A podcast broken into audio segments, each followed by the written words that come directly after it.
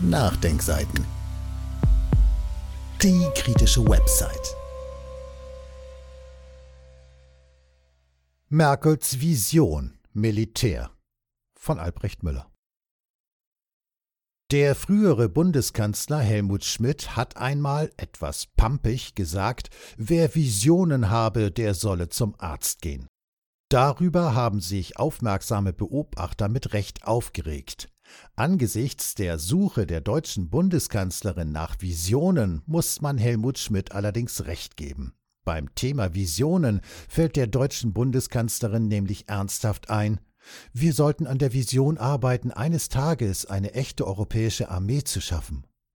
So die deutsche Bundeskanzlerin gestern vor dem Europäischen Parlament am 13.11.2018.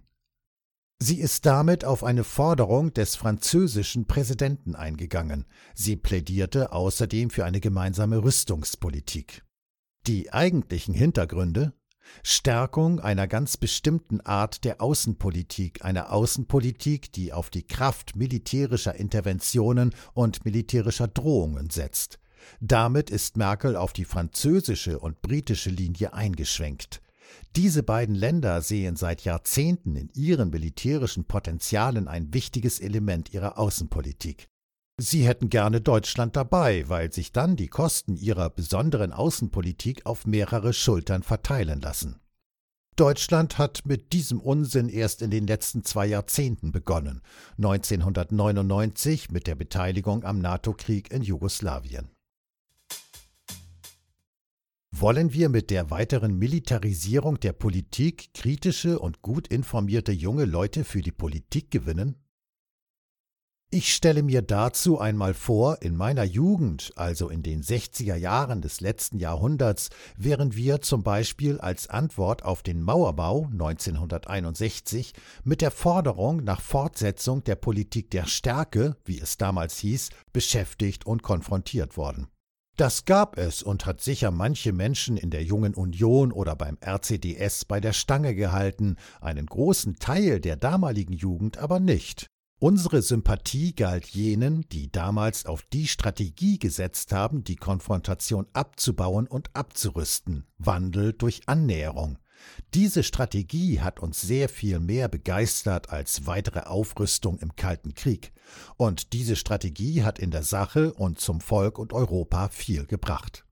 Aber was bietet Angela Merkel, was bietet die Politik heute unserer Jugend? Jedenfalls keine vergleichbare Vision, nicht einmal die naheliegende. Diese wäre nämlich gewesen im vorformulierten Satz von Bundeskanzlerin Merkel eingebettet wir sollten an der Vision arbeiten, die Trennung Europas zu überwinden, die durch die Konfrontation zwischen EU und NATO einerseits und Russland andererseits entstanden ist. Russland gehört zu Europa, wie auch die Ukraine und einige andere Länder Osteuropas. Wir brechen das neu ausgebrochene Wettrüsten ab und verständigen uns auf das verabredete Konzept der gemeinsamen Sicherheit.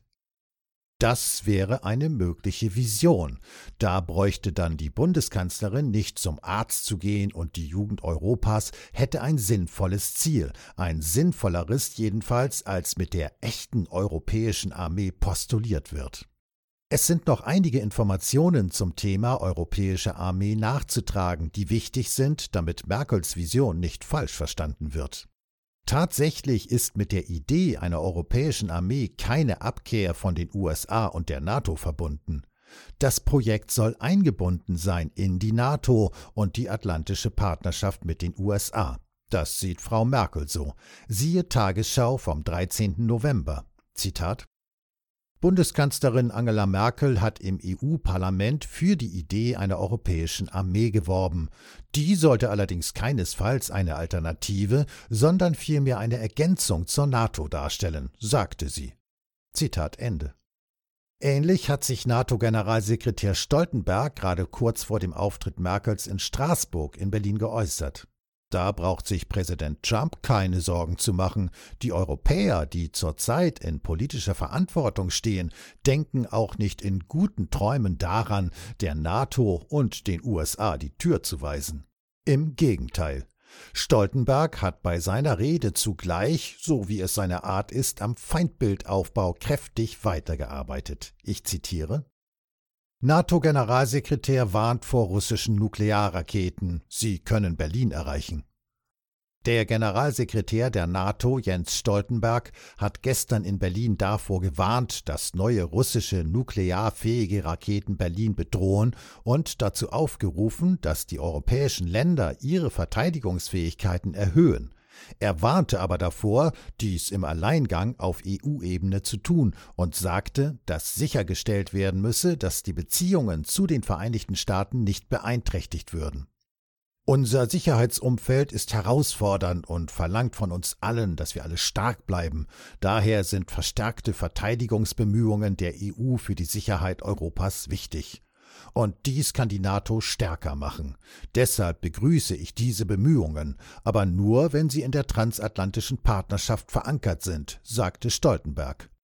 Wenn wir die Verteidigung in Europa vorantreiben, sollten wir dies tun, um die transatlantischen Beziehungen zu stärken. Zitat Ende. Was für ein enges Europa, was für eine dürftige Vision.